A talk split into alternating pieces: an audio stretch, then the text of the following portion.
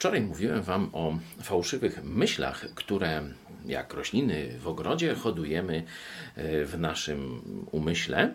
E, czym krócej, tym lepiej, bo później się zakorzenią. Mowa jest też o gorzkim korzeniu, który wyrządza wiele zła.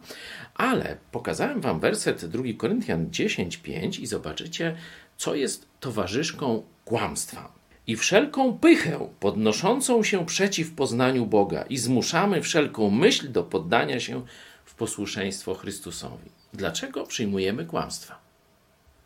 Bo jesteśmy pyszałkowaci i myślimy z natury, że wiemy lepiej, a prawda jest taka, że to Bóg wie lepiej.